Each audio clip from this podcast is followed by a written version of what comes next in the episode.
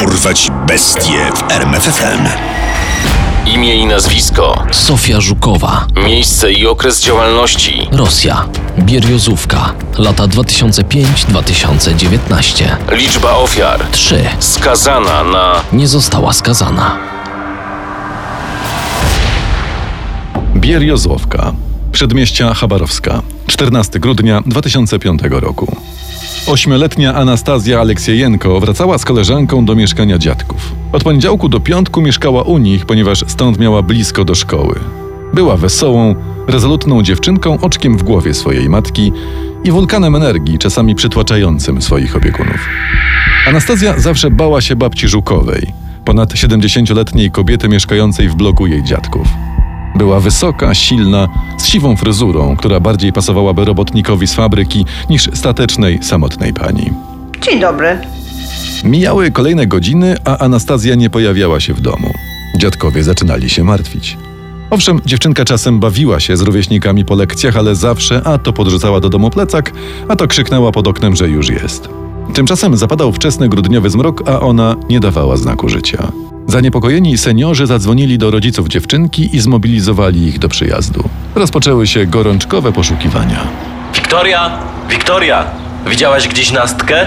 Tak, wracałyśmy razem ze szkoły. Pożegnałyśmy się pod blokiem i ja poszłam do siebie.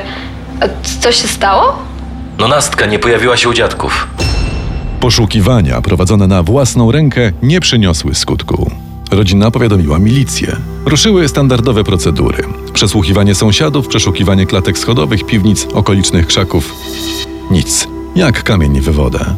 Sąsiadka dziadków dziewczynki, starsza pani Sofia Żukowa, zeznała milicjantom, że owszem, widziała ją na klatce, ale potem ktoś ją zawołał i wybiegła. Wiecie, jakie te dzieci są teraz. Tylko hałasują i dokuczają. Pewnie poleciała z kimś coś psocić. Minęły dwa tygodnie nieudolności milicji i lęku rodziny. 14 grudnia, wracający z pracy, mieszkaniec Chabarowska zatrzymał się za potrzebą koło wysypiska śmieci w Bieryzowce. Jego uwagę przykuł czarny worek, koło którego przystanął.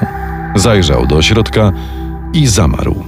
W środku były poćwiartowane ludzkie szczątki. Patolog potwierdził, że to niekompletne szczątki poszukiwanej Anastazji Aleksiejenko.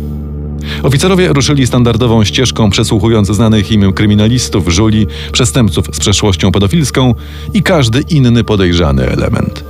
Śledztwo w sprawie zabójstwa nie przyniosło jednak żadnych efektów i utknęło na lata.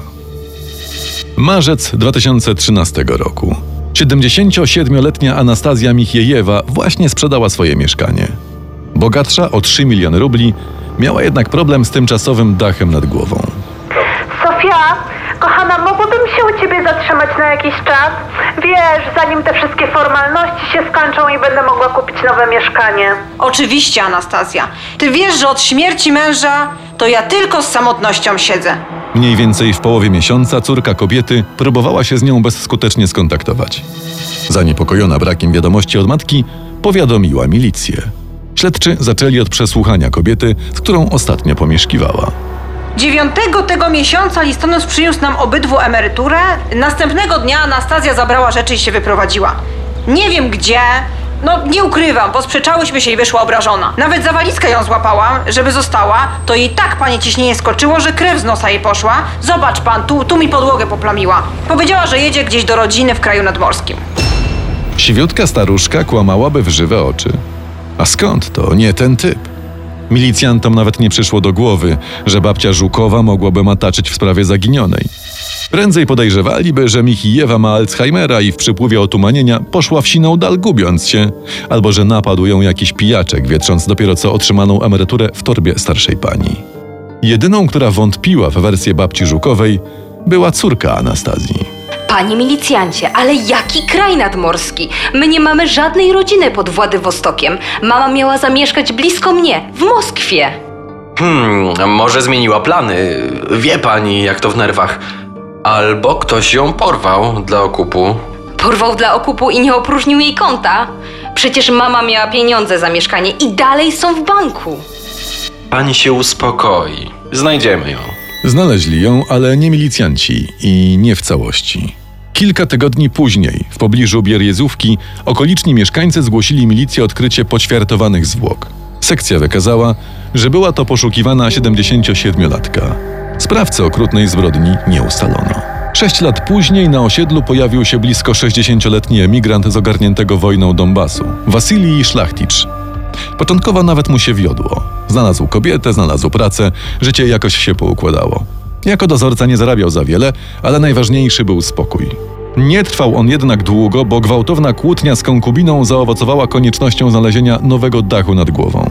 Traf chciał, że babcia, którą jakiś czas temu poznał, usłyszała o jego niedoli. Wasili, jak chcesz, to pomieszkaj u mnie. No, nie zedrę z ciebie, a ty sobie na spokojnie znajdziesz coś stałego.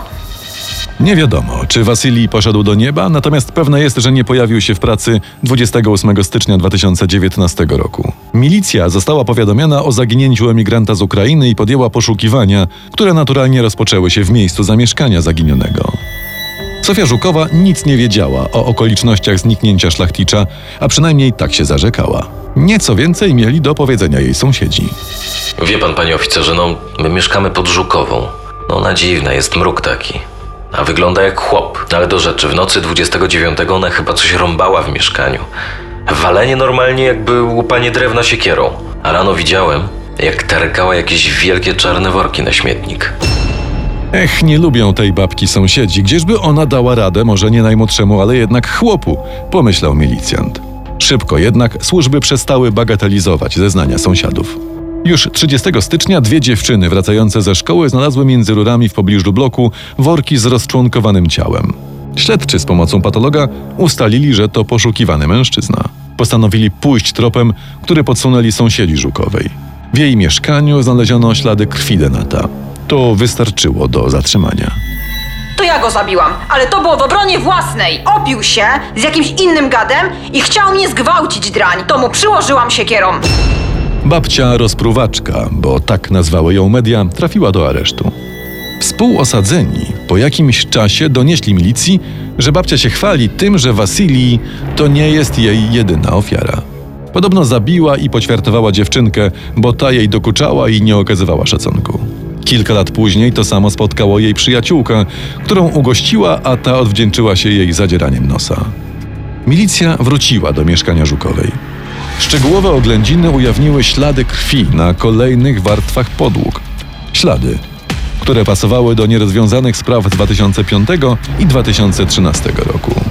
Sofia Iwanowna Żukowa, urodzona w 1939 roku w obwodzie niżno-nowogrodzkim. Gdy tylko zdobyła mizerne wykształcenie, została wysłana do pracy, żeby wspomóc biedującą rodzinę. Jako dorosła kobieta przeniosła się do Chabarowska. Wyszła za mąż za Iwana Żukowa, hydraulika. Mieli trzech synów, z których jeden zmarł jako malutkie dziecko. Przez długie lata pracowała w zakładach mięsnych przy uboju świń. Synowie nie utrzymują z nią kontaktu. Sąsiedzi opisują ją jako kobietę opryskliwą i drażliwą. Podobno po pierwszym zabójstwie była widziana jak rozrzuca mięso bezpańskim psom. Ponoć nader chętnie częstowała też sąsiadów dziwnie smakującą potrawką. Na pewno po każdej zbrodni robiła remont. Malowanie, linoleum. Faktu kanibalizmu Żukowej nie udowodniono, natomiast trzy zabójstwa tak. Ona sama najpierw się przyznała, a potem wycofała zeznania. Powołani do jej zbadania biegli psychiatrzy orzekli, że jest zdrowa i była poczytalna w chwili popełnienia zbrodni. Proces babci rozpruwaczki ruszył w 2020 roku. Jednak nie doczekała wyroku. Padła ofiarą innego, seryjnego mordercy, znanego jako COVID-19. Sofia Żukowa zmarła w szpitalu w Chabarowsku 29 grudnia 2020 roku w wieku 80 lat. Jest najstarszym seryjnym mordercą w historii Rosji i Związku Radzieckiego. Sąd pośmiertnie uznał ją winną zarzucanych jej czynów. Poznaj sekrety największych zbrodniarzy świata. Dorwać bestie w RMFFM.